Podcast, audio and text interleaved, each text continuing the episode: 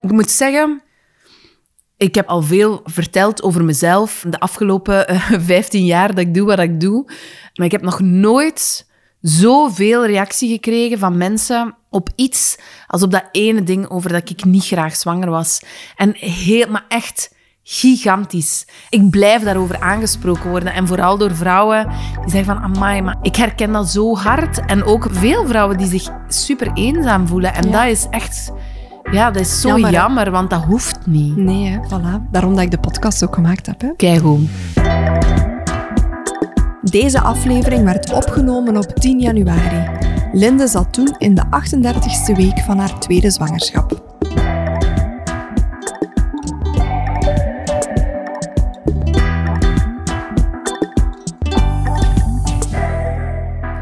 Goedemorgen, Linde. Goedemorgen, dag Evie.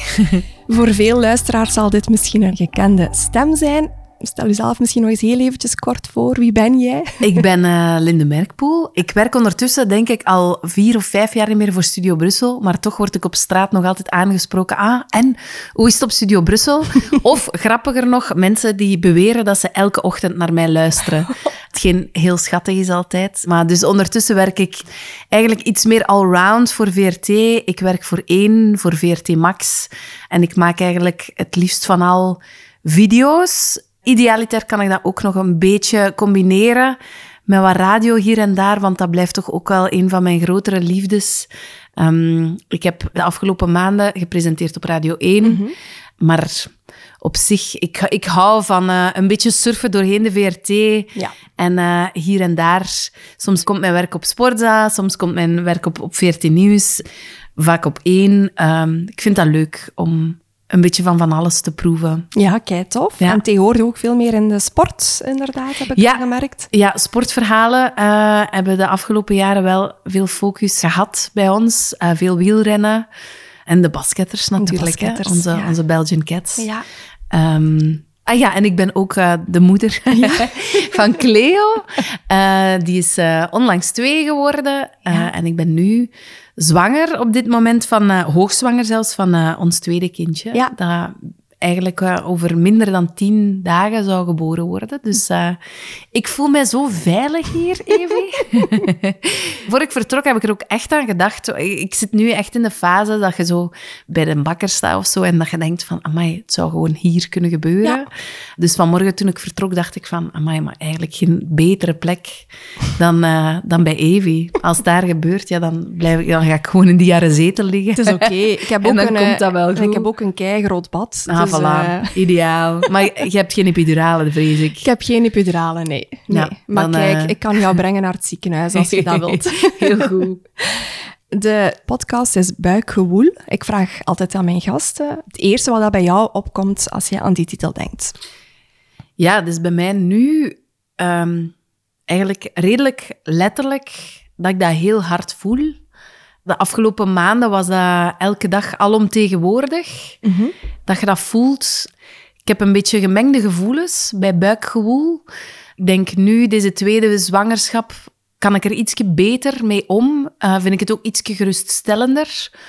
Het, ja, ik vind, ik vind het heel aangenaam om te voelen dat mijn kindje present is mm -hmm. en uh, dat er veel beweging is. Um, maar tegelijkertijd kan ik mij nog altijd niet van die indruk ontdoen. Alsof dat je ja, be bewoond wordt door iets mm -hmm. dat niet jezelf is. En vind ik dat nog altijd, ook nu. Ja, ook wel goh, onheimlich of zo. Of zo. Ja, een, een beetje beklemmend mm -hmm. voor mij. Uh, een beetje te, ja, te dichtbij komen Te dichtbij, ja. ja. Ik vind dat een heel vreemd gevoel om bewoond te zijn door ja. iets. Ay, door iemand, hè. Ja. Maar uh, ja, ik heb daar heel gemengde gevoelens bij. Ja, je hebt daar in de eerste zwangerschap ook wel iets over gedeeld, inderdaad. Ik stel voor dat we daar straks een beetje dieper op ingaan, als dat oké okay is. Um, maar ik ben heel benieuwd, kinderen krijgen of mama worden, was dat voor jou al altijd een evidentie? Was dat een droom als jong meisje of als uh, jonge vrouw al? Of? Nee, ik heb eigenlijk zelfs heel lang luidop gezegd dat ik nooit kinderen wou. -hmm dat is zo wel een beetje geëvolueerd. Dan de laatste tien jaar denk je daar dan toch een beetje anders over na. Maar ik merkte wel, ehm, mijn vriendinnen, die hadden op een bepaald moment allemaal kinderen. Ik was de enige zonder. En dat trok mij eigenlijk totaal niet. Uh, ik heb dat heel lang voor mij uitgeschoven. Ik werk ook heel graag. Ik duik ook echt heel graag diep in mijn werk. Ik vind dat heel tof om op elk moment te kunnen beslissen. Ik ga nu dit project doen en daar ben ik dan een week onbeschikbaar voor. Ja. En dat is gewoon ja, niet combineerbaar met kinderen. Maar ja, op een bepaald moment, een vijftal jaar geleden, leerde ik mijn lief dan kennen. Mhm. En ik denk dat wij elkaar twee weken kenden en die eh, vroeg aan mij, wilt jij kinderen, want ik bel. En ik zei, goh, Jeff. Wat vraagde jij mij nu? Ja, vind ik een moeilijke vraag, maar mijn antwoord was niet meteen nee of Mhm. zo. Maar ook niet meteen ja. Maar we leerden elkaar dan beter en beter kennen. En op zich, die vraag zegt heel veel over wie dat mijn lief is. Zegt ook nu vandaag nog altijd heel veel over hoe dat ik hem zie als vader en hoe dat ik hem dat zie doen. Dat was niet zomaar dat hij dat vroeg. Jeff is een super betrokken vader.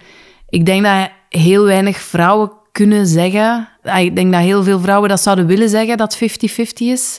Bij ons is dat echt zo. Amai. Ehm, bij momenten is dat, is dat 60-40. Ja. Ook omgekeerd door.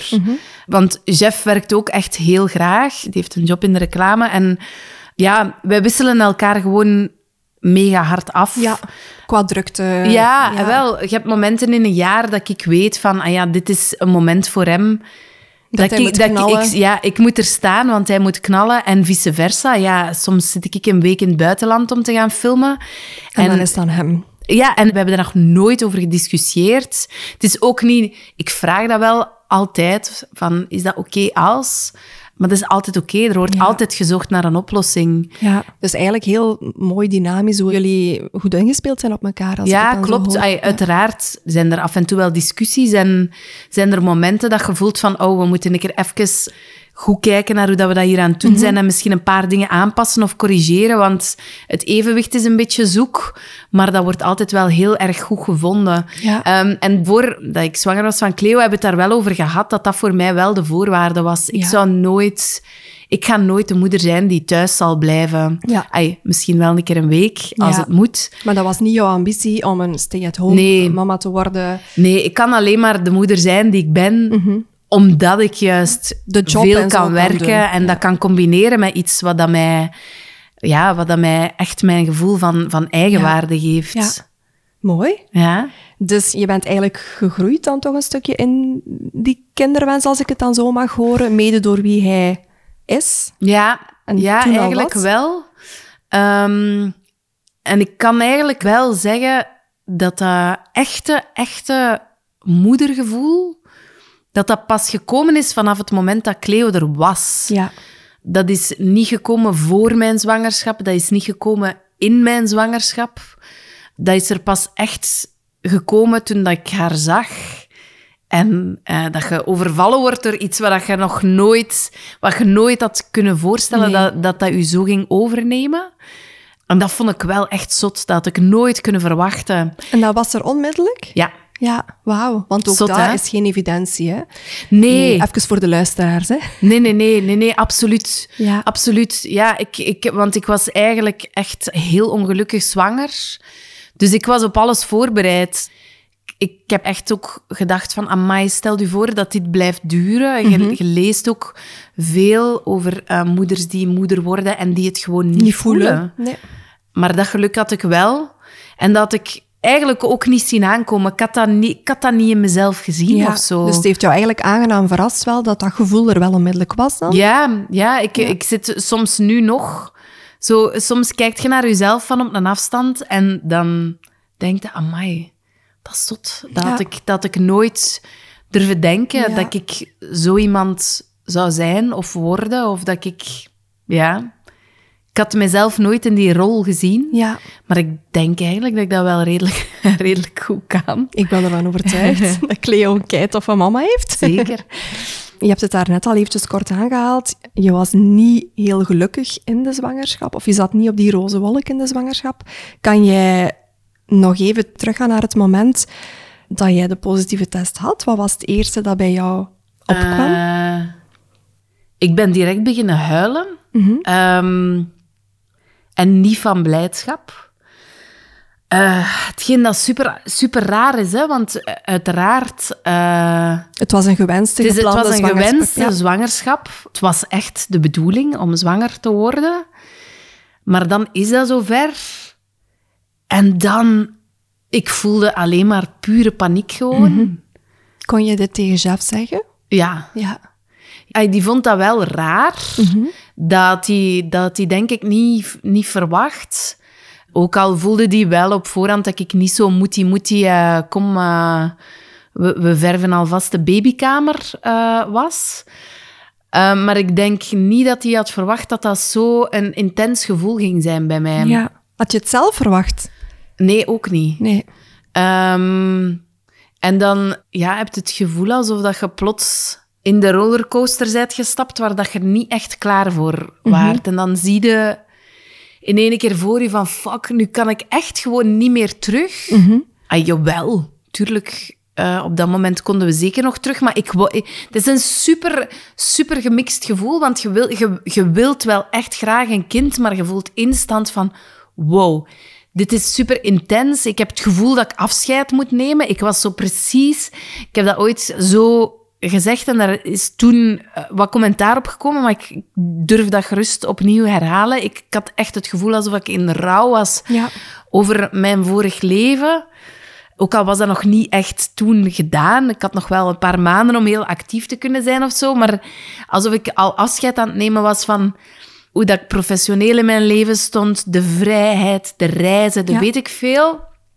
Uiteraard ook wel dankbaar dan op, op latere termijn voor een, een gezond kind. En het feit dat dat allemaal echt belachelijk vlot is gelopen bij ons. Maar net dat kan het heel verwarrend maken. Hè? Want voor een omgeving kan het lijken van ja, je hebt niks om over te klagen. En je kunt wel heel blij zijn dat er een kind op komst is, maar tegelijkertijd heel verdrietig zijn. Ja, Omdat je daarvoor wel die zwangerschap moet doorlopen. En dat was nog maar het begin. Toen moest het eigenlijk nog beginnen. Ik kan ook zeggen, ik heb nul last gehad van zwangerschapskwaaltjes. Ik ben niet misselijk geweest, ik ben niet ziek geweest, niks. Maar je voelt u vanaf het moment dat je dat weet, vanaf het moment dat dat zo is, voelde ik mij, en eigenlijk deze zwangerschap opnieuw hoor, eh, als een hostile takeover. ja, ja. Alsof dat er iets in mij zat dat mijn eigenheid wegnam, dat mijn lijf dat alles overnam. hè, en letterlijk. alles Ja. eigenlijk overneemt. En in het begin is dat dan alleen nog maar een gevoel dat je in jezelf draagt. Maar dan ja, wordt dat ook zichtbaar. En dan word je daar ook heel veel over aangesproken. Mhm. En dat irriteerde mij zo hard dat je zo dat je je herleid voelt en precies ook herleid wordt door mensen rondom je tot iets dragends. Ja, alsof je gewoon een verpakking bent. Ja, Van- en ik heb het nu ook weer als ik zo op de gangen van de VRT loop. Zo mensen die dan zo daar als eerste over beginnen. Ja. En ik weet oprecht, dat is kei goed bedoeld. En, en soms weten mensen gewoon ook... Dat is een, een hele toffe conversation starter voor heel veel mensen. maar voor mij werkt dat mega averechts. Ik denk dan echt, als dat het enige is waar dat we Ja. over kunnen praten, laat me dan gerust. Ik had onlangs een radio-uitzending en er kwamen twee dudes in eh, de radiostudio van Radio 1 een uur praten over de shot, over voetbal, Ja. over Engels voetbal. En die gasten kwamen toe, die zeiden hallo, die hebben een uur in mijn studio gezeten en die zijn terug vertrokken. En het is En die niet hebben- over uw baby Het gegaan. is niet over mijn zwangerschap Ja. gegaan. Het is niet over mijn baby gegaan. Die hebben mij niet gefeliciteerd. Ja. They didn't even acknowledge het feit dat ik echt heel zwanger Mhm, was. Oh, en ik had echt zin om die te bedanken. Ah, yes. Omdat ik dacht van, Je oh, hebt mij ook gezien. ja, wel. Ja. Zo zalig dat we gewoon samen hebben kunnen werken zonder dat er per se een topic moest gemaakt worden van het feit dat ik een drager ben Mhm. Ja. op dit moment. Maar ik, ik weet ook dat het omgekeerde ook bestaat. Mhm. Dat er dames zouden zijn die heel hard geaffronteerd zouden zijn of die dat heel erg zouden vinden, Ja, mocht, mocht dat juist niet ter sprake komen. Ja. Of dat die daar niks over zouden zeggen. Oh, dus dat is zo moeilijk. Het is heel Ehm, persoonlijk, hè? Ja. Ja. Vind jij dat moeilijk om dat dan te benoemen? zeker naar mensen die dicht bij jou staan, zeker in die eerste zwangerschap dan, als die altijd begonnen over die zwangerschap, het mirakel dat er zat aan te komen, vond je dat dan ja, ik durf, ik durf dat wel zeggen. Ik heb dat onlangs ook... eh Maarten van Gramberen heeft de gewoonte om het te hebben over het wondertje dat groeit in mijn buik. En onlangs kon ik niet anders dan met mijn ogen rollen en zei ik, Maarten, daar moet je echt mee stoppen. Want zo voel ik dat totaal niet. dat is, maar dan, hij, mag dat, hij mag dat vinden, hè. Mhm. Ja, ja. Maar ik kom goed overeen met Maarten en ik weet ook wat ik tegen hem kan zeggen. Ik wil hem daar ook niet mee... Ik weet dat dat goed bedoeld Ja, is. ja, ja. Maar ik ben ook heel allergisch voor mensen die met een buik aanraken. De enige die dat mag, is mijn lief. Mhm. Hij is degene bij wie dat ik soms zelfs zeg van... Je moet dat wel af en toe een keer doen, of zo. Maar zelfs van mijn vriendinnen... Of zelfs van mijn moeder, die ik misschien drie keer op een jaar zie...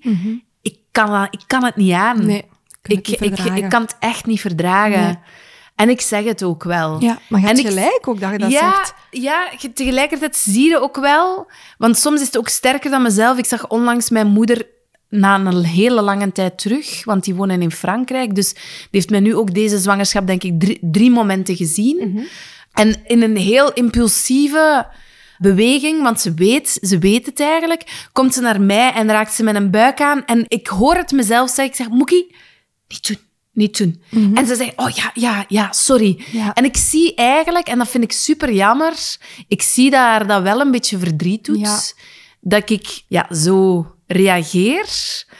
Ik probeer dat dan daarna nog wel zo wat uit te leggen van, sorry, ik, ik weet Kan niet hoe dat, dat komt, Ja. maar ik kan dat echt niet verdragen. Dat is te dicht, dat is Mhm. te... En ze heeft daar heel veel begrip voor. Mijn ouders zijn echt zalige mensen. Ik kijk er naar uit om ze binnenkort terug te zien, want voor de... ik heb ze nu de, de feestdagen niet gezien. eh. ze komen terug echt... Ze wachten totdat een baby Ja. geboren wordt en Oh. dan, eh, dan komen ze op het gemaksken af. Ehm, maar eh, ik vind dat ook wel belangrijk om dat luidop Absoluut. te zeggen, want ik zou mij echt heel ongemakkelijk voelen mocht... Ik heb zo'n vriendin die het niet kan laten. Dat wordt ook de meter van Ja. die een baby. En ik heb haar onlangs echt moeten berispen en zeggen... Lieselot, je gaat nu moeten stoppen. Het is echt genoeg geweest. Zelfs jij. Ik, ik word er heel ongemakkelijk van. Ja. En als je dat op die manier vertelt, ik kan me voorstellen dat mensen het jammer kunnen vinden, maar ze respecteren het toch? Ja, hopen. tuurlijk. Ja, Tuurlijk. ja ik, ik denk dat het vooral heel belangrijk is dat je dat durft uitspreken, want er, je bent daar niet de enige in. Hè. Er zijn inderdaad vrouwen die vanaf zij zwanger zijn een summum van vrouwelijkheid voelen en iets hebben van hallo, je moogt met een buik aanraken. En dan heb je gewoon het andere deel van het spectrum en alles wat daartussen zit. Ja, ja. En ik... Allee, het, het is niet omdat zwanger zijn nu niet zo echt mijn ding is. Want ik wil dat nu ook niet groter maken dan dat dat is. Ik ben niet depressief. Ik heb geen ziektebeeld. Hè. Ehm, ik ben gezond, mentaal. Maar ik vind het niet aangenaam. Om ik vind het gewoon niet tof. zijn.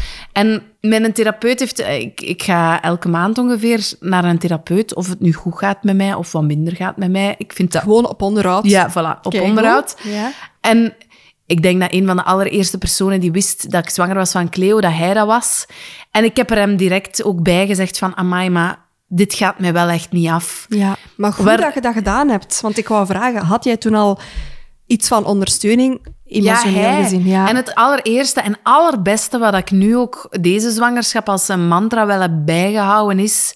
Het is niet omdat je graag kinderen wilt dat jij graag zwanger bent. Klopt. Dus je moet je daar zelfs niet voor excuseren. Nee. Dat is helemaal oké. Dat zegt ook helemaal niets over de liefde voor dit kind. Dat zegt daar helemaal niets over. Hè? Oh nee. Nee, hè? nee, het goede is nu deze zwangerschap dat ik natuurlijk al Cleo heb rondlopen en dat ik mijn overweldigende liefde voor haar voel. En ik weet hoe dat ik mij heb gevoeld terwijl Mhm. ik zwanger was van haar. Dus ik weet... Ik, kan het wel, gekomen. ik kan het wel in perspectief zetten en ik weet wat dat er komt. Ja. Ik weet wat dat er gaat gebeuren. Op een of andere manier heeft het mij wel een beetje misleid. Ik dacht door dat Cleo er was, dat deze zwangerschap makkelijker zou zijn. ja, want daar was ik benieuwd naar. Heeft eh, die ervaring van die eerste zwangerschap invloed gehad op de keuze voor al dan niet een tweede kindje? Ehm, eh, laat ik zeggen, ik heb het wel... Ik heb mijn broer schelen twee jaar en ik vond dat echt een zalig leeftijdsverschil. Als in, we hebben zoveel samengespeeld, dus ik wilde niet te lang wachten. Ik Mhm. wist ook, ik wil meer dan één kind. Mhm. Ehm, maar ik voelde wel dat ik het aan het uitstellen was. En ehm, ik... En kon je daar dan de vinger op leggen? Waarom? Was het omdat je ja, ik had er gewoon, ik had er gewoon echt weer geen zin in. En Ja. je, hebt, je hebt ergens ook het gevoel, ehm, met ons drie, we hadden, we, we hadden echt een ritme te pakken of zo. En je weet sowieso van, er komt weer chaos aan. Er komt weer chaos aan in mijn hoofd. Er komt weer chaos aan in mijn lijf. Ik ga mij weer super ongemakkelijk voelen. Mijn negen maanden lang niet mezelf voelen. En dan is de chaos nog maar begonnen. Want Ja. dan komt dat tweede kind daarbij. Dus ik, ik had een afspraak gemaakt met de gynaecoloog om mijn spiraal eruit te halen. ik heb een heel toffe gynaecologe. En ik zat bij haar in haar praktijk. En ze zei, ah ja, ja, jij komt dus om je spiraal eruit te halen. En ik zei, eh... ehm, Of toch niet? eh, ja. Waarop zij zei, "N- nee. Ik zei, "Oh." Eigenlijk had ik En dit dan- moeten filmen. En dan zei, zei, zei ik het wel van, oh, amai, ik vind, ik vind het zo moeilijk. Ik weet niet of ik er klaar voor ben. Wij gingen net op vakantie vertrekken voor een maand naar Zuid-Afrika met Cleo. En dan zei hij, weet je, laat het nog één maand zitten. Ga op verlof, Ja. amuseer u, zet er niet mee bezig. Kom terug, we gaan nu een afspraak inplannen. Ja, En dan halen we dat eruit. ja. Want tof ga je dat nooit vinden. Je weet dat je twee kinderen wilt. Dus ga er gewoon voor. Korte pijn, hop erdoor en dan zit je er ook vanaf. En dat was eigenlijk exact wat ik nodig had. Want ik denk, ik denk dat ik het anders misschien nog zoveel langer had uitgesteld. Gewoon omdat ik er echt geen zin in had. En dan, ja, na die vakantie belandde ik dan terug bij haar in de praktijk. En dan zei ze, we gaan ervoor. Ik zei, ja. Ja. en het was direct prijs. Ik was ook echt, denk een maand en een half later was ik terug zwanger. Oké, wauw. Ja, wauw. Wauw. Ja, dan is het daar ineens heel rap weer. Ja. Ja. En eh, de tweede keer dat je dan vaststelde dat je zwanger was, had je hetzelfde gevoel dat je overviel? Ik had exact hetzelfde ja, gevoel. terug de tranen die kwamen. Ja. Ja, dan dacht ik, ja, hier gaan we terug. Ehm, en dan met tranen in uw ogen uw favoriete kleren inpakken. En ah, echt al uw eigenheid precies instant van u afvoelen glijden. Dat is zo een, ah, een, een, een overweldigend en raar gevoel. En ik had ergens gedacht van, dat zal beter zijn, want ik weet nu wat er komt. Ik heb al een dochter en ik zie die zo graag. Maar het was eigenlijk weer, weer exact hetzelfde. Misschien was het zelfs erger Ja. dan de eerste keer. Ja, ik heb echt gewoon heel hard het gevoel dat ik tijdens zwangerschappen mijn, mijn, al mijn eigenheid verlies. Ja. En ja, ik vind dat ellendig om mijn, mijn te lijf te voelen. voelen veranderen, om te voelen dat je alle controle... Het heeft daar heel veel mee te maken, hoor. Dat je, dat je controle kwijt bent, dat je... Hoe onnozel dat ook klinkt, dat je niet in je kleren kunt. Je kleren die toch voor een stuk ook je identiteit mee bepalen, Mhm. die je zorgvuldig hebt uitgekozen. Zelfs, zelfs dat kan niet meer. Ja. Je kunt zelfs niet meer in je favoriete broek. Ja. En uw, uw lijf doet rare dingen, uw hoofd doet rare dingen, er zijn hormonen. Ah, fuck. Ja, en het is vooral... Het is non-stop, hè? Ja. Je hebt daar geen pauze van, hè, negen maanden lang. Nee. Dus dat maakt het wel pittig, hè? Ja, Was het voor Jeff nu makkelijker om, om dit te volgen of dit te begrijpen? nee, ook nog, ook nog moeilijker, Ja. denk ik. Maar we kunnen wel goed babbelen samen. En op een bepaald moment...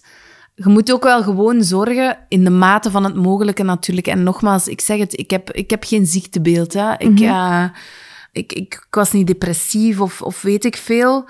Ik voelde mij gewoon echt ongelukkig en nu nog, en nu nog altijd. Het gaat nu beter, omdat ik in, in die laatste fase zit. Maar op een bepaald moment heeft mijn lief wel tegen mij gezegd van... Baby, ik vind het eigenlijk niet zo tof niet meer dat ik altijd de huilerige versie van u zie. Ik vind dat heel vermoeiend. En dat is wel dat is heel confronterend Ja. om te horen. Maar tegelijkertijd eh, ja, moet je dan ook wel gewoon even naar jezelf kijken en moet je ook een beetje streng zijn voor jezelf.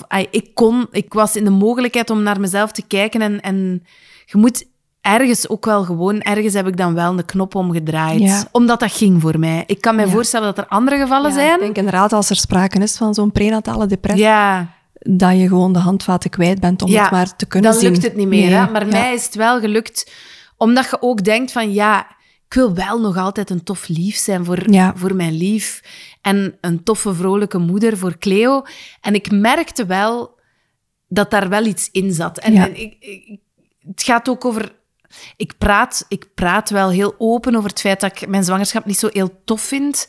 Maar het hoeft nu niet per se altijd het eerste topic te zijn. Als mensen vragen, en hoe is het? Mhm. Hoeft mijn antwoord niet per se te zijn in eerste instantie kut, want ik ben niet graag zwanger. Mhm. Ehm, dat kan ook gewoon zijn, ah, het gaat goed op het werk. Ja. Of zo. Ja. Ehm, Ik kan me voorstellen, ik ken Jeff totaal niet, maar inderdaad, in jouw werk, je bent super vrolijk altijd, heel enthousiast, een Duracell-konijn. Dus ik kan me inderdaad wel voorstellen dat dat als partner wel pittig is om, eh, om te moeten ja, aanzien. vooral als je dan de andere versie thuis krijgt, dan zegt mijn lief zegt soms om te lachen, waar is Linde Merkpoel van de video's eigenlijk? Die lacht altijd. en dan zeg ik soms, ja, maar je moet dat zien als een compliment, Ja, omdat dat ik mezelf kan echt zijn. mezelf kan zijn. En dan zegt hij, gast, daar heb ik op dit moment echt heel weinig aan. Eh, lacht gewoon eens wat vaker. Probeer het ook gewoon keer. Probeer het Soms een beetje wat lichter te... Ja. En op zich heeft dat wel veel voor mij gedaan, dat hij dat ook wel durfde benoemen. Ai, niet, niet, Niet vanaf leuk, dag, eh, niet vanaf dag één, hè, want ai, Jeff is super lief en heeft me daar mega hard in ondersteund en weet ook gewoon dat ik dit niet, niet zalig Mhm. vind. Maar hij had wel, hij had wel... Je moet ook... Ja, ik, ik mag, je mocht er ook niet te veel in zwelgen. Als je kunt kiezen om er niet in te zwelgen, dan probeerde er misschien af en toe gewoon ook niet in te zwelgen. Ja. En dan je focus te verleggen naar de Ja. dingen die wel oké Ja. zijn. Ik, ehm, in mijn logo, ik weet niet of je dat al gezien hebt, ik heb marmer als achtergrond gebruikt. Net omdat, ja, ik vind een zwangerschap of heel die perinatale periode is absoluut, hoeft geen roze wolk te zijn. Eh, het hoeft ook niet zwart te zijn, maar er zijn keiveel mooie tinten grijs, denk ik dan. en ik probeer zo... Ik heb dat gedaan omdat ik eigenlijk wil dat mensen ook zien dat er in alles ook wel silver linings zitten. Dat je ook effectief, dat het wel kan helpen voor je, voor je eigen welzijn, om echt actief ook eens op zoek te gaan naar wat zijn hier wel de lichtpuntjes? Ja. Ehm, wat geeft er mij hier wel energie? Of wat zijn wel de momenten geweest waarop ik mij oké voel? Of ik even terug mezelf een beetje voel? Ja, ik vind dat oprecht, ik vind dat een hele moeilijke oefening. Ja. Ik kan heel weinig dingen opsommen die ik ehm, leuk vind aan zwanger zijn. Wat ik toffer vond nu en deze zwangerschap nu beter kon zien, is de connectie die je toch voelt. Waar dat een eerste zwangerschap heeft echt iets heel, ja, bijna absurds. Je kunt dat niet Je plaatsen. kunt het je ook niet voorstellen wat het... Nee. eh, Je hebt geen idee. Nee, en nu vond ik dat deze zwangerschap wel heel fijn om zo... Ja, toch al dat besef te hebben van dat is, ons, dat is onze dochter die Mhm. daar aan het groeien is. Dat is onze tweede dochter. En dat vond ik wel een leuker gevoel. Om, om, of ja, ik vond dat fijn om dat ook eens te ervaren. Want bij Cleo heb ik dat echt niet gevoeld. Daar is het pas echt begonnen allemaal toen Mhm. als dat ze geboren, werd. is. Ja. Maar nu vind ik dat wel tof om toch ergens zo met een zekere tederheid te kijken naar uw buik en zo, ja, nu dat buikgevoel dan echt te voelen en zo ergens die zachtheid te voelen. Naast al die andere Mhm. Ja. gevoelens Ja. eh, die ik daarbij heb. Dus dat vind ik wel absoluut mooi en, en heel Ja. overrompelend om dat zo te voelen. En eh, ergens moet ik zeggen, ik zit nu in de allerlaatste fase. Ik vind een van de lelijkste. eh, ah, ik, ik krijg zo rillingen als ik zo dat woord hoor, maar zo nestdrang, dat vind ik echt een kotswoord. Maar ik heb het wel. Ja. Mega hard. Oh, en ik moet zeggen, ik geniet daar ook van. Ja. Ik vind dat zalig. Ik heb, ik heb nog negen dagen te gaan vandaag. eh, tot mijn uitgerekende datum. Ik heb nog een to-do-lijst van hier tot in Tokio. En ah, eergisteren heb ik al het speelgoed van mijn dochter gesorteerd op kleur. en dat, oh, dat geeft mij zo, Rust. zoveel rust. Ja. Ik merk ook dat ik dat echt nodig heb om rustig te blijven, om niet te flippen op het feit van dat kan hier elk moment gebeuren en we weten niet hoe dat, dat gaat. Want een bevalling is een, pony waar dat Ja. je opkruipt en je weet niet welke van de stal dat je hebt gekregen. Dat is mooi gezegd. ja. Ehm, dus dat, dat, dat- Ja. je kunt daar heel hard nerveus van worden.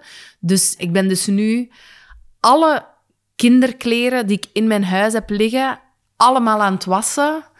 En ik ben die in dozen aan het steken en ik ben eh, kasten aan het uitkuisen. Gisteren, eh, eh, dan trekt een kast zo, ah, hier ligt nog een donsdeken dat ik vergeten was. Ah ja, oké, mm, ruikt wel muf. Hop, naar het wassalon ermee. Dus echt, ik ben een ongeleid opruimend projectiel. Ja. Dus ik ben super associatief. Alles door elkaar, alles wat ik kan wassen, wat ik kan opruimen, wat ik kan vegen, stofzuigen, het gebeurt. Goed, ik heb hier Ja. nog een paar manden staan anders. Ik heb veel te veel werk thuis, Evie, sorry.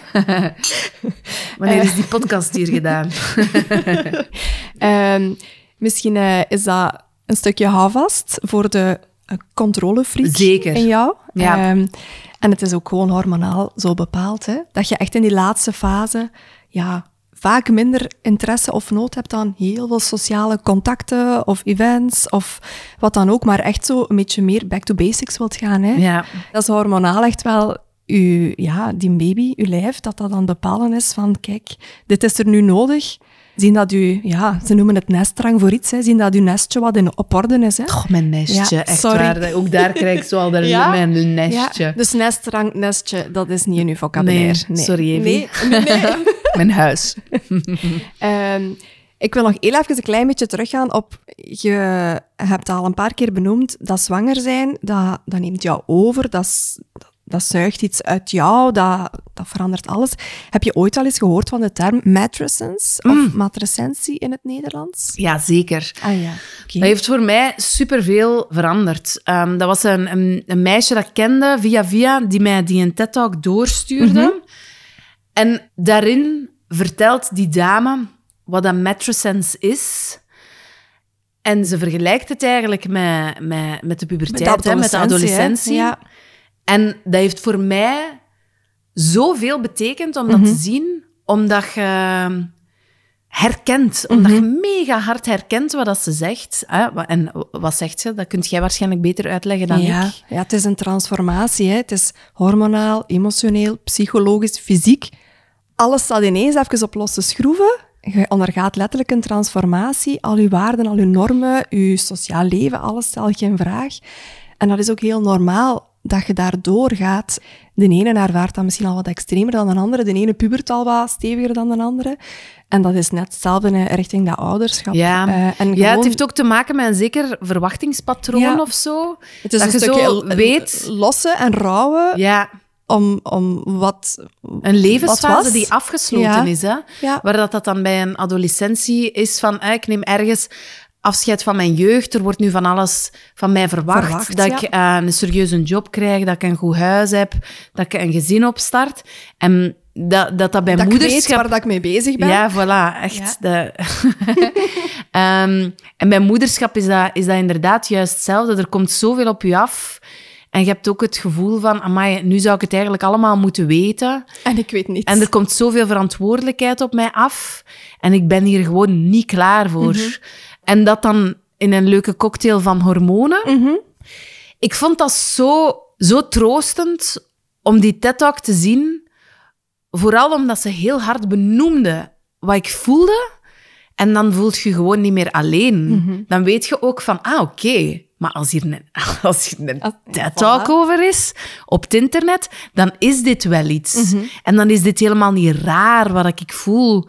Dat is super normaal. Super normaal, inderdaad. Ja. Maar er wordt gewoon, jammer genoeg, heel weinig over gesproken. Want het, als de mensen die zich uitspreken, die krijgen dan vaak bagatelliserende opmerkingen. Of, ze, of, of krijgen de commentaar van, ja, maar sorry, maar jij zou eigenlijk dankbaar moeten zijn. Ja, ja. En dat is wel super, dat is super jammer, want we, ik ben dankbaar. Maar, ik voel mij ook niet goed. Voilà. Ehm, en op zich heeft het zo weinig zin om verhalen naast elkaar te leggen, want dat, dat kreeg ik dan eh, de allereerste keer dat ik dat ooit luidop durfde zeggen, dat ik zwanger zijn echt niet tof vond. Dat heeft natuurlijk ook wel heel veel te maken met kranten waarin dat, eh, interviews verschijnen en die halen daar dan zo één, De- één zin ja, uit. Uiteraard. Eh, de sensatie. ja, ik, ik voel me bewoond door een alien of ik haat zwanger zijn. Ja, sorry, maar er, er hangt wel wat context rond of zo. En uiteraard ben ik dankbaar dat ik een heel gezond kind aan het, aan het grootmaken ben in mijn buik. Maar op dat soort van artikels komt dan wel de opmerking van nou, je zou dankbaar moeten zijn. Er zijn zoveel mensen die hun best doen om zwanger te worden.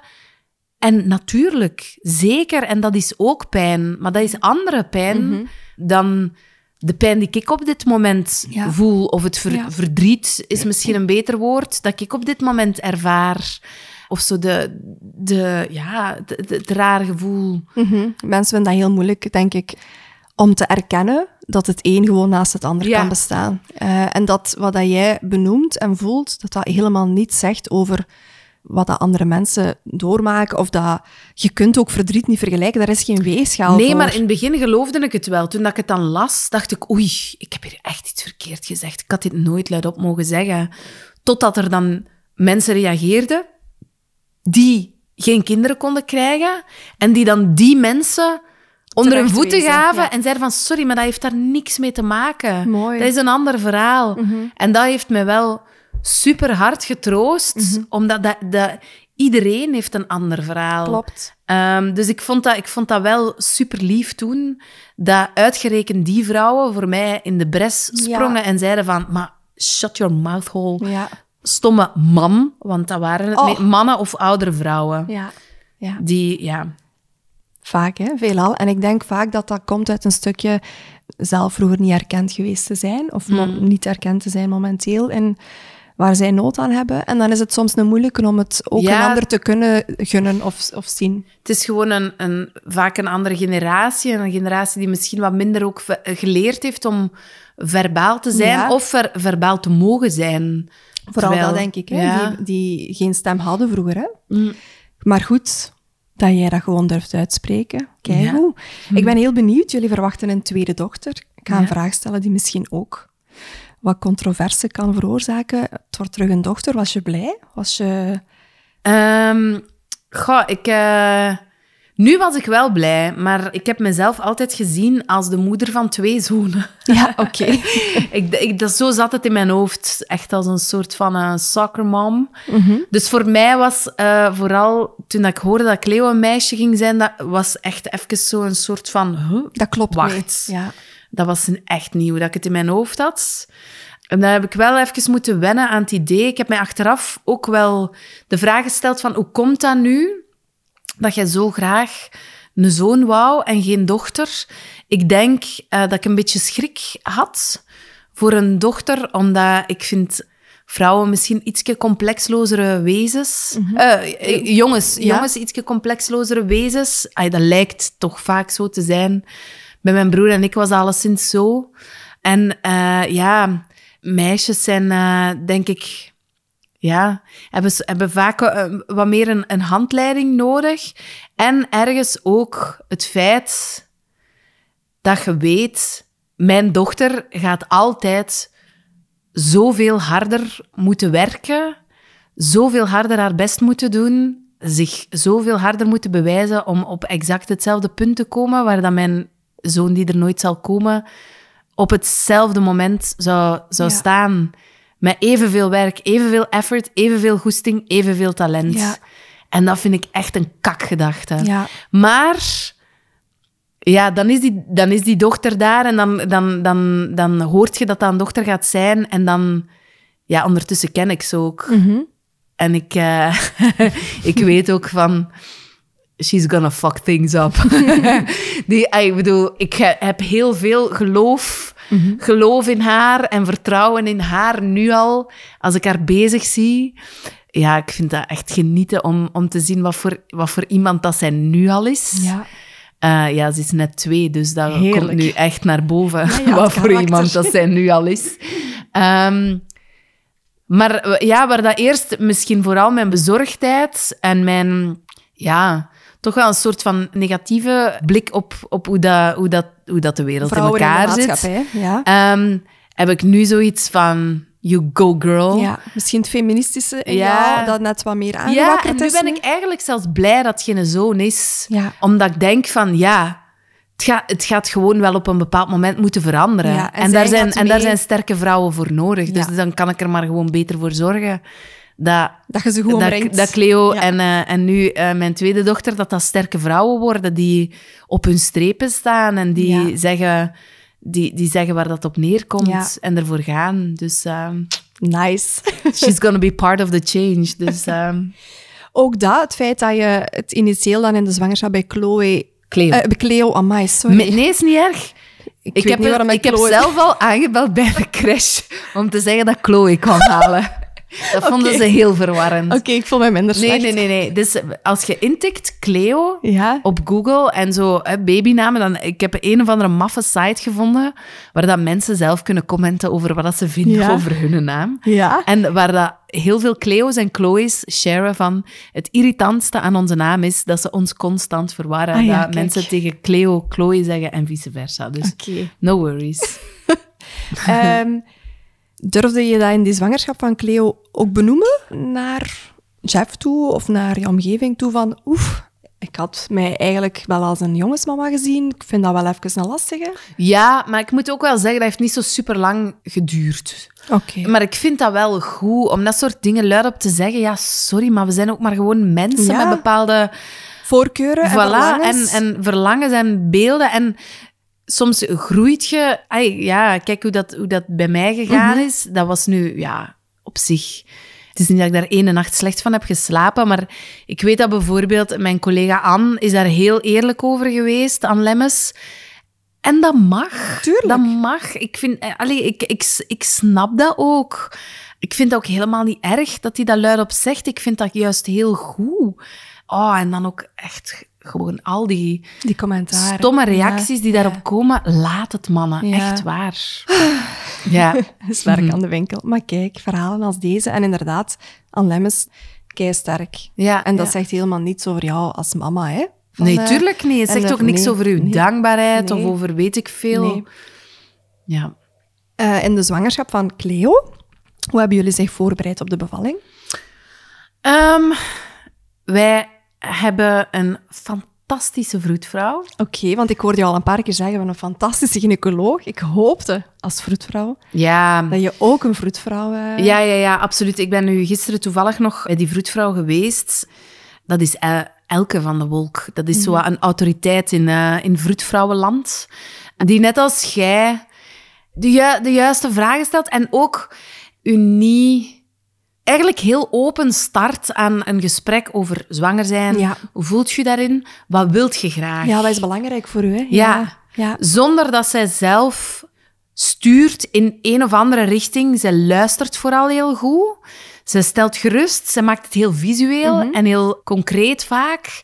Zij voelde bijvoorbeeld bij mij heel snel aan dat ik eh, mega hard aan het stressen was op borstvoeding. Ik, ik In zeg, de zwangerschap toen bij Chloe. ja, eh, bij Cleo. Cleo. Blijft moeilijk, hè? Ja, nu- is niet oh. erg, Eva. Ehm, maar zij voelde, ik, ik ben een beetje een... eh, ja, dat is nu, nu wel al eh, gebleken, een soort van controlefreak. Ik ben de allerlaatste van mijn vriendinnen die een kindje kreeg. Ik heb, laat ik zeggen, van mijn tien vriendinnen, negen vriendinnen gehad die echt heel hard geworsteld hebben met borstvoeding. Die er heel ongelukkig van zijn geworden. Pas op, er waren ook mooie verhalen, hè. Maar ik voelde bij mij van, amai, die slechte verhalen geven mij nu al Ja. zoveel stress. Ja. En ik weet, als dat bij mij gaat mislukken, tussen aanhalingstekens, als dat... Ik, ga geen, ik, ga, ik ben nu al zo aan het flashen op deze zwangerschap. Als ik dat er ook nog eens moet bijpakken, ik ga dat mentaal Nee, niet u. aankunnen. Ja. En dan moeten we een beetje beginnen afwegen van oké, wat is er voor mij belangrijk? Mhm. En dat was voor mij niet zo belangrijk. En Elke heeft me daar zo hard in gerustgesteld. Die heeft gezegd van, hé, hey, dat is, kei dat is oké, mega oké. Maar ja. En eh, ze, ze heeft mij ook aangemoedigd, vond ik een van haar belangrijkste tips. Denk daar allemaal al op voorhand over Mhm, na. Zorg ervoor dat je niet op het moment dat je kind Geboren is een, net. vijf minuten op de Ja. wereld is, dat je daar dan moet over beginnen nadenken. Ja. Denk daar nu over na, beslis dat. Eh, Net zoals trouwens over hoe, wil, hoe wilde jij bevallen? Ja. En ik had heel veel schrik voor pijn. Ehm, dus ik wist op voorhand van, ik wil, net zoals deze keer, ik heb van mijn lief voor kerst een gigantische XXL-t-shirt gekregen met Ja. daarop, ja, ik wil een epidurale. Uh, dat is een t-shirt van Karen François, fantastische jonge maakster, die ook zo, die zakken van, ik wil naar huis. Ja? Dat is Karen. Eh, en die maakt ook t-shirts met daarop, ja, ik En wil dan- een epidurale. En als je zoekt naar de small, die bestaat niet, bestaat alleen maar een XXL. Ehm, dus die heb ik gekregen. Want ja, ik wil een epidurale. En ook daarover had ik al Verhalen beslist. gehoord waarschijnlijk op voorhand ook? Ja, maar eh, ja, eerlijk, in, in, in, een, in een bad bevallen, ondersteboven bevallen, weet ik veel hoe bevallen, duizend jaar bevallen, met veel pijn bevallen. Het resoneerde niet met wie dat jij Ik bent. heb, daar, en nee. ik heb daar echt totaal geen zin in. Nee. En ja, dat heeft voor mij... Die eerste, mijn bevalling met Cleo was echt de max. Dat was een van de beste dagen van mijn leven. Zo leuk om te horen. Mede dankzij die epidurale. Ja. Ja, bon, je kunt... Het kan, ik zei het daarnet, hè, een bevalling is waarschijnlijk te vergelijken als een stal met ponies en je kiest... de- er komt er een op je af en je weet, je weet niet, is dat een wilde, is dat een brave? Valt die na een uur neer? Of gaan we voor een dagtocht van 48 uur? Het geen, geen dagtocht is, maar twee Mhm. dagen. Maar goed. Maar bij ons, alle sterren stonden super juist. En dat ging vlot. Ehm, dat ging allemaal kei vlot. Die Ja. epidurale kwam op het exact het juiste moment. En die epidurale heeft er ook voor gezorgd dat ik echt mega in de moment heb kunnen genieten van wat dat daar allemaal gebeurde. Ja. Dat was echt zo top. En op het einde, toen dat dan Cleo geboren was en, en we, we daar allemaal zaten, heb ik ook tegen die vroedvrouwen en tegen mijn gynaecoloog gezegd van, gasten, deze vond ik zo goed. Mochten mij zeggen, we doen dit morgen opnieuw. Ik Yes. teken. Dus ik vond dat echt... eh, Die keken zo wel raar. Ehm, en dachten van, hebben we die de dubbele dosis epidurale gegeven? die morfine. Maar ehm, ja, dat was, je keek dat was echt super top. positief op terug. Ja, ja, ja, En op een of andere manier heb je zo het gevoel wel, en dat is raar, hè, hoe dat mensenbrein werkt, doordat dat de eerste keer zo zalig is gegaan. Cleo was ook echt een fantastische baby. Die sliep veel, die huilde amper. Die was gewoon super content. Ja. Blij maar flesjes. Ja, die, die, die deed alles naar behoren. Nul reflux, nul weet ik veel wat. Geen, eh, geen gekke ziektes. Op een of andere manier denkt uw hoofd dan van... Ah, maar aangezien dat dat de eerste keer allemaal zo goed was... Kan niet nog eens zo Nee. goed lopen. Dan ga, je, dan, ga, dan ga je nu wel de backfire van krijgen. En op een of andere manier, dat is dan wel een klein gevecht dat je zo voert in je hoofd. Denk ik nu van, dat kan niet anders dan dat dat echt een afschuwelijk, niet slapend, kotsend monster wordt. Dat ons het komende jaar Aldernachtig gaat terroriseren. ja. maar ik heb gelukkig ook genoeg vriendinnen die mij wel, hè? sturen van... No worries, dat kan, hè. Ja. Twee zalige kinderen, dat Kan, bestaat, hè. En pas op, huilende kinderen kunnen ook zalige kinderen zijn, maar je snapt wat ik wil Mhm. Ik zeggen. snap het volledig, ja. En als het inderdaad toch een pittiger kindje wordt, ook dan gaan jullie jullie weg daarin zoeken, hè? Ja, en ik moet ook zeggen, want dat, nu zijn we in één keer hier beland, maar dat komt ook voor een stuk door Elke, Mhm. mijn vroedvrouw. En de manier hoe dat zij ons heeft begeleid... Ja, maar ik geloof niet in slechte vroedvrouwen, eigenlijk. Ik heb nog nooit een vrouw bezig gehoord over haar vroedvrouw die zei, amai, maar dat was echt iemand die het totaal niet voelde. Ik hoor alleen maar precies moeders vertellen over vrouwen waar dat ze zoveel liefde en respect voor voelden. Het is ook logisch, hè? Je zit samen op heel intense momenten. Ja, ja, ja. Het is een absoluut privilege Echt? om zo dicht bij een vrouw te mogen staan in zo'n proces. Ja, echt... en wel, en bij mij was mijn vroedvrouw zelfs niet, niet bij mij op mijn bevalling. Dat was dan een vroedvrouw van het ziekenhuis, maar echt. Ik, Maar wou, ik wou ook die vrouwen, ik wou die allemaal mee naar huis pakken. Ik had, eh, eh, dat hoor ik wel vaak.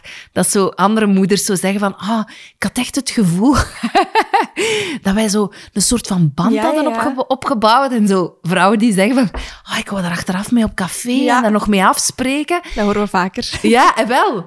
Ik kan me voorstellen dat, je, dat, dat jullie ook wel vaak zoiets hebben van mm, rustig, easy tiger, want Ja, maar... als jullie niet opletten, zitten jullie met al die moedertjes op café. Ja, maar ja, bon, dat, dat, is, dat is kwestie van professioneel zijn en zelf begrenzen. Ik kan me wel voorstellen als vroedvrouw in de eerste lijn dat dat misschien iets makkelijker gebeurt. Zeker als je een lange opvolging doet, ook nadien. Het is vooral heel leuk om mensen te zien terugkomen in een tweede of een derde zwangerschap. Ja, En opnieuw door dat proces te mogen begeleiden. Dat is Ja. fantastisch. Dat Ja. is echt, ja. Het is ook grappig, toen wij eraan denken, 16 jaar terug in de tijd, toen ik vroedkunde startte, tijdens de inloopdag op school, van wat houdt de opleiding in? Heel veel mensen denken bij vroedkunde, oh, die babykus. En ik weet dat er toen, ik dacht dat zelf eigenlijk ook wel, ze, als eh 18-jarige puber. En ik weet dat toen de vroedvrouw die die dag zo begeleidde, dat die ons daar wel echt heel hard op drukte van, het gaat eigenlijk niet om die baby's. Nee. Het gaat echt wel vooral om die, om die mama's, ja. of die wensmama's en die partners, maar vooral die mama's. Daar moeten we wel echt, want anders moeten pediatrie gaan studeren. Ja, en wel. Ik vond, dat, ik vond dat ook wel zot om zo... Om een eye-opener ook. Je, je, je gaat dan doorheen die bevalling en je zet dat dan met je gynaecoloog en die vroedvrouwen aan het doen. En dan zeiden dan daardoor en dan heb je zoiets van... Ja, maar wacht, wilde die nu niet, niet ook een keer vastpakken Ja. of zo? Maar dan lijkt zo die interesse zo al ergens... Ergens is de, de belangrijkste rond, fase ja. ook ergens afgerond. Maar nu, eh, bij elke die dan achteraf dan ook... Zij was ook de eerste die bij ons thuis was toen dat wij thuis kwamen. Ah, en ik vond dat zo een geruststelling. En dat is zo zot hoe dat die precies een soort van zesde en zevende en achtste zintuig tegelijkertijd heeft. Dat perfect voelt hoe dat je een baby wilt vastgehouden worden. En dat je zo ziet, zo, dat als die daarmee bezig is, hoe dat zo alles aan je baby verzacht. En Ja. dat hij dat snapt, dat hij je kind leest. Ja. Ja. Terwijl je zet, zeker als, als prille ouder, Zo heb je in het begin... Ik weet nog dat wij gedropt werden op onze kamer met Cleo en dat, dat, dat iedereen daar vertrok en dat Jeff en ik overbleven met Cleo en dat wij zoiets hadden van, hé hey, gasten, nee, Paniek. die is die meende niet. Jullie blijven toch hier of niet? Want Ja. wij zijn echt totale nitwits, wij weten hier niks over.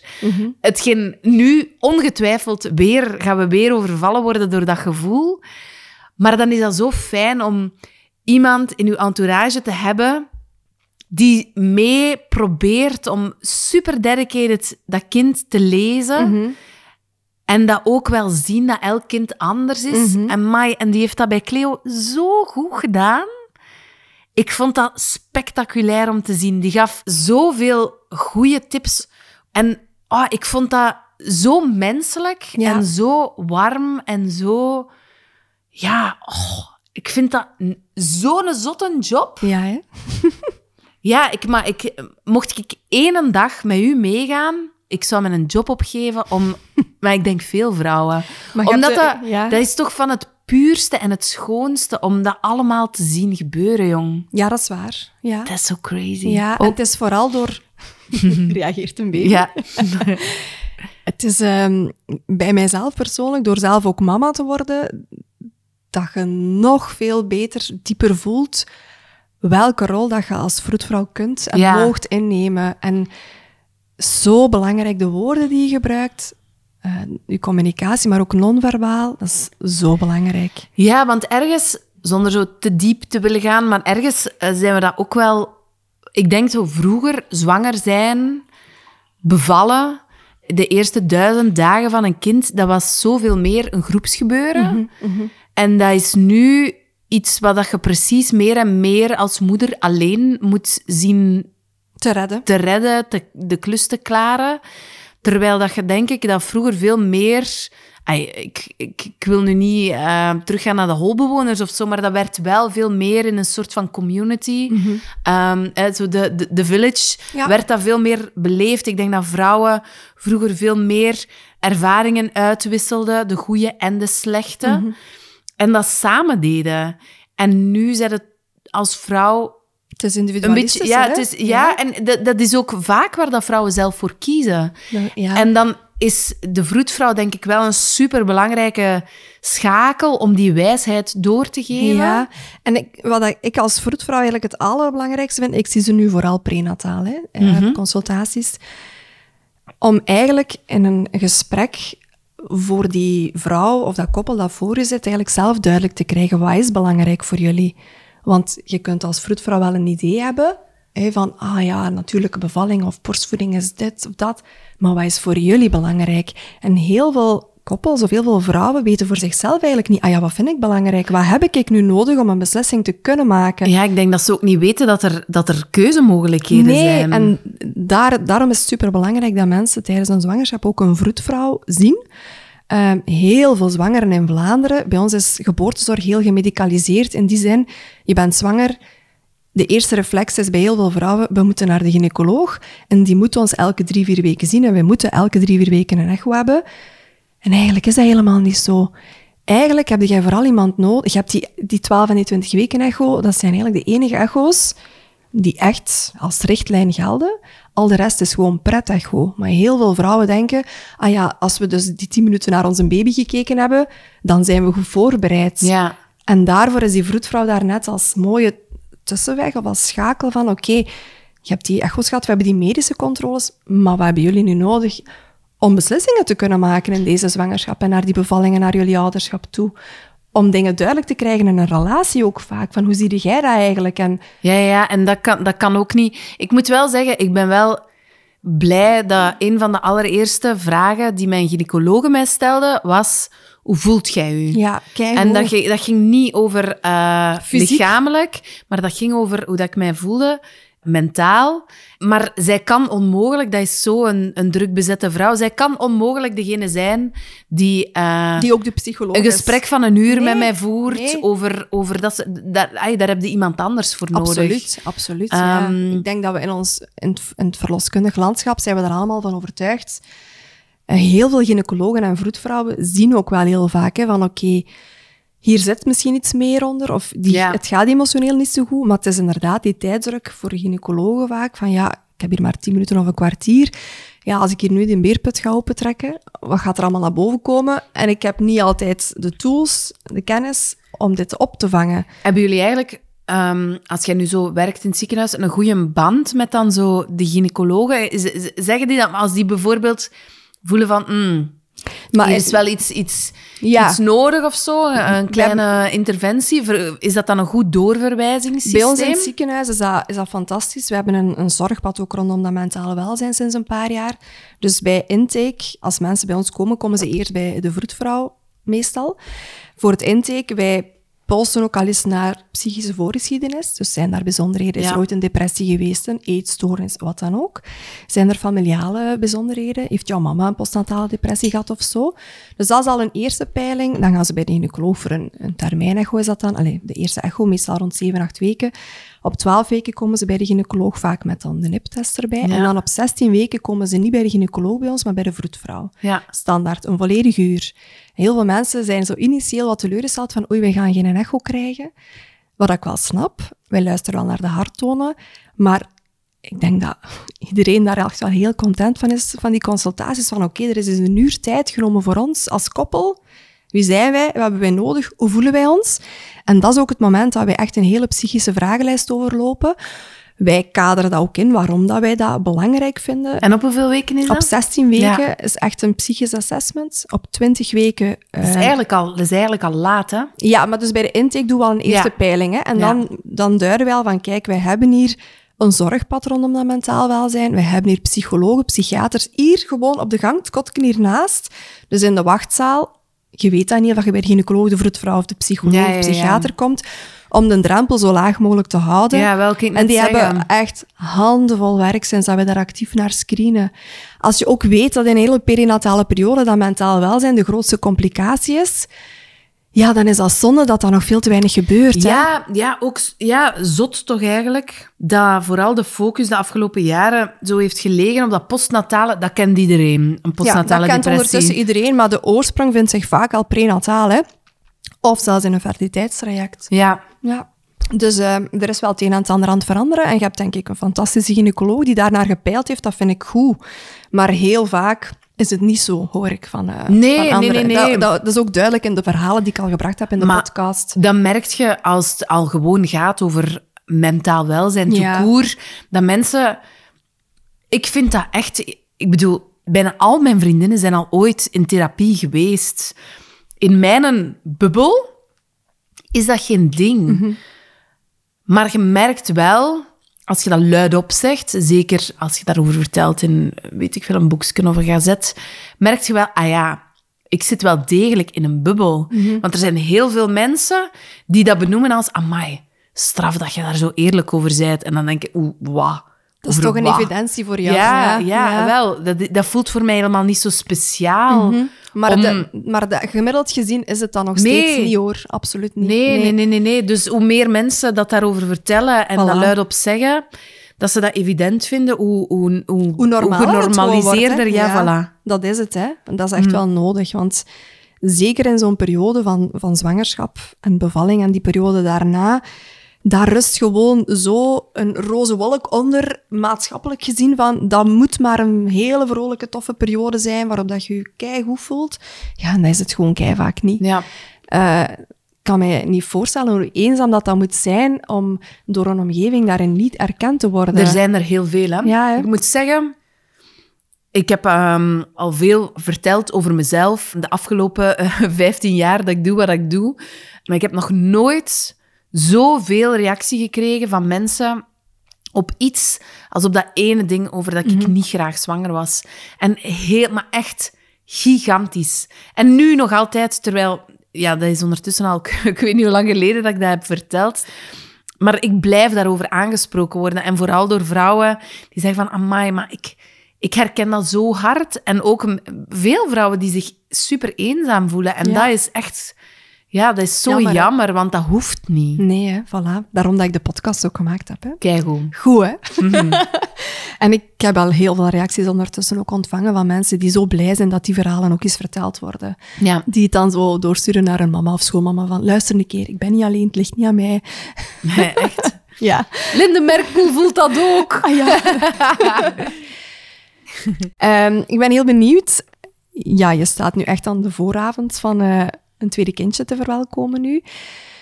Heb je enigszins ook een, een angstvoorstel dat die liefde op het eerste zicht bij dit kindje er niet onmiddellijk zou zijn? Ehm, voor hetgeen dat je nu loslaat, want je hebt je dynamiek met je gezin met drie nu. Ik kan me voorstellen, ze is twee jaar, je bent op elkaar ingespeeld, je, je kent Ja. je dochter. Ik vind dit wel echt een heel bijzondere periode. Ik heb ergens zo het gevoel van, ah, ja, ik wou dat de tijd kon blijven stilstaan nu. Want het is zo gezellig met ons drie.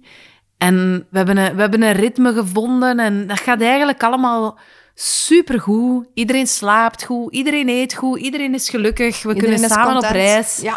En nu begint het weer allemaal. Hè. En ja, ook dat is een kleine pony die we binnenhalen. Hè. Ja. En voor hetzelfde geld is dat een super wilde die niks wil daten. dus ehm, ja, dat is niet goed voor mijn hoofd om daar te diep over na te denken. Maar aan mijn liefde twijfel ik niet meer. Ja.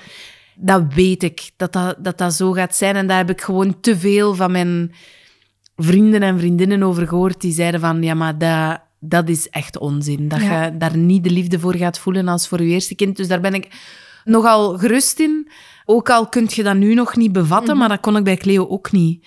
Dus ehm, ja, ik ben benieuwd. En ik, ik wil misschien nog een kleine nuance, vooral voor de luisteraars ook. Het kan ook zijn dat dat, dat meer tijd nodig heeft om te Mm. groeien. Je, dat gaat niet op hetzelfde pijl staan misschien initieel als dat al is voor Cleo, omdat je haar natuurlijk al twee jaar kent. Eh, Ja.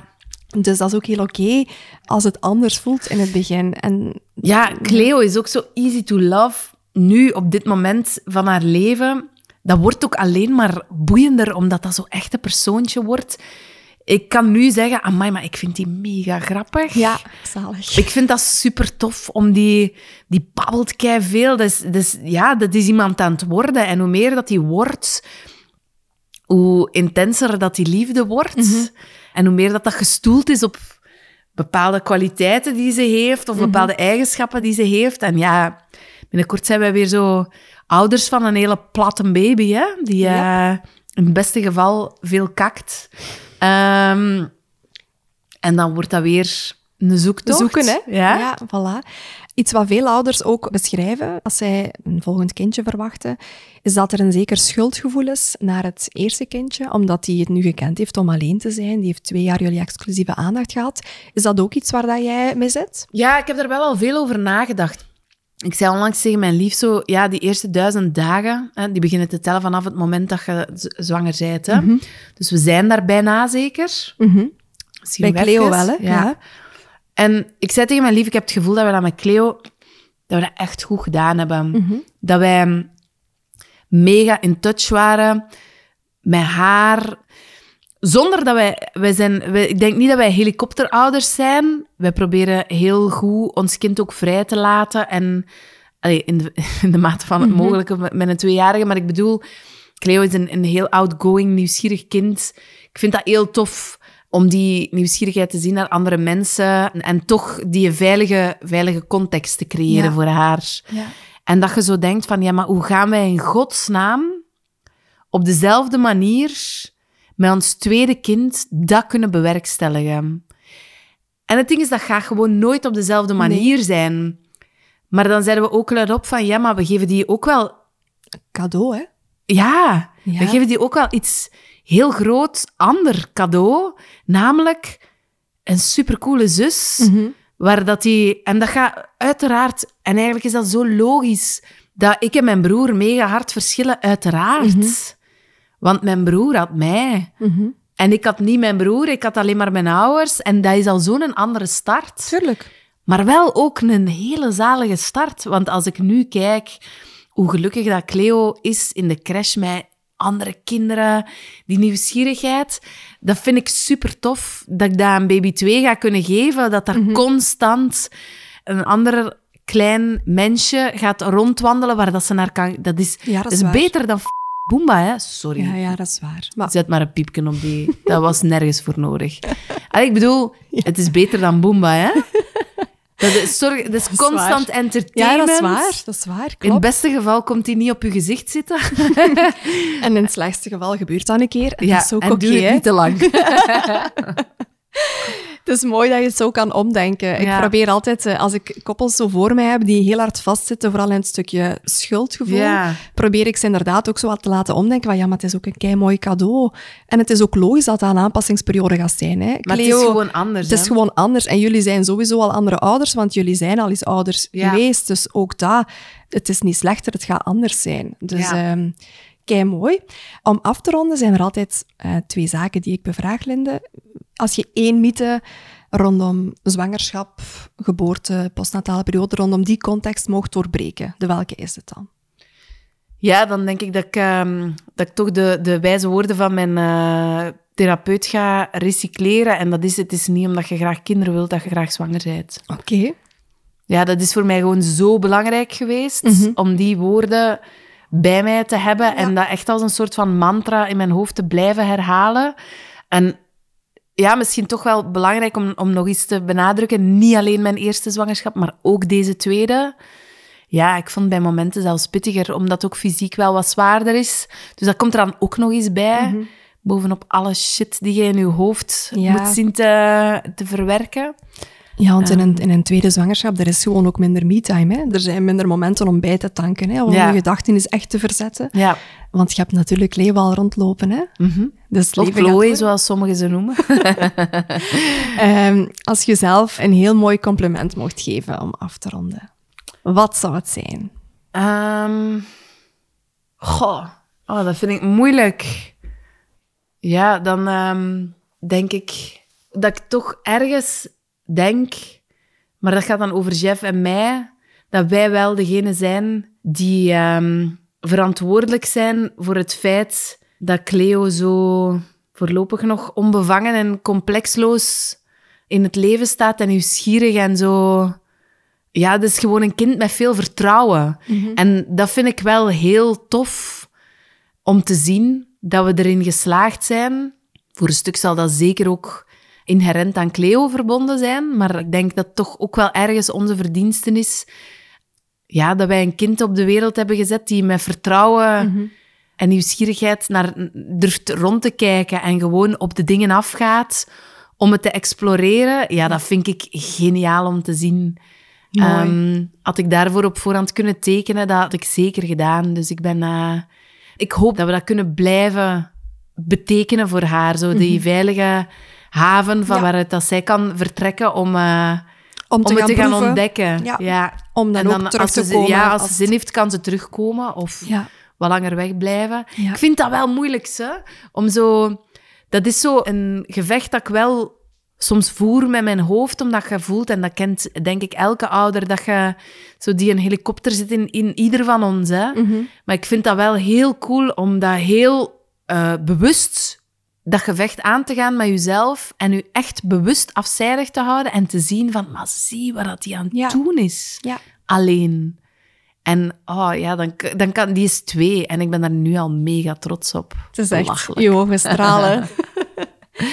Oké, Linde. ehm, ik wens jou een hele fijne laatste periode van rommelen, wassen, nietsen, van Ja. alles en niks tegelijk Niets, doen. hè. Wat is niets? hè? Nee, Ja, nee, nee. Weet je wel wat dat er nog allemaal moet gewassen worden? Zot. Maar ik gun jou toch ook een aantal rustmomenten nog. Ik gun u een kei fijne, gezellige bevalling terug. Ja. Met Ja. een goede werkende epidurale. ja, we zullen zien. Spannend welke pony dat er op ons afkomt. Acht dagen na ons gesprek is Linde bevallen van haar tweede dochter Jackie. Intussen is ze een maand oud en bel ik Linde op voor een update. Hey, Hey, dag Linde. hallo. Proficiat met Jackie. Ja, dank u wel. Ik ben heel benieuwd. Wat voor een pony is het geworden? Oh, het, is, ehm, het is eigenlijk een heel leuk ponytje geworden. Eh, een beetje een donkerder ponytje dan dat ik had verwacht. Dat vond ik super raar in het begin. Oké. Maar een hele lieve, rustige, hongerige pony. Met ook echt een voortreffelijke stoelgang. Ehm, ik, ben, ik heb nu net echt een zotte pamper ververst. Maar ze doet het echt supergoed. Tof, tof om te horen. Want wij hadden elkaar gezien op 10 januari. En op 18 januari is ze geboren, hè?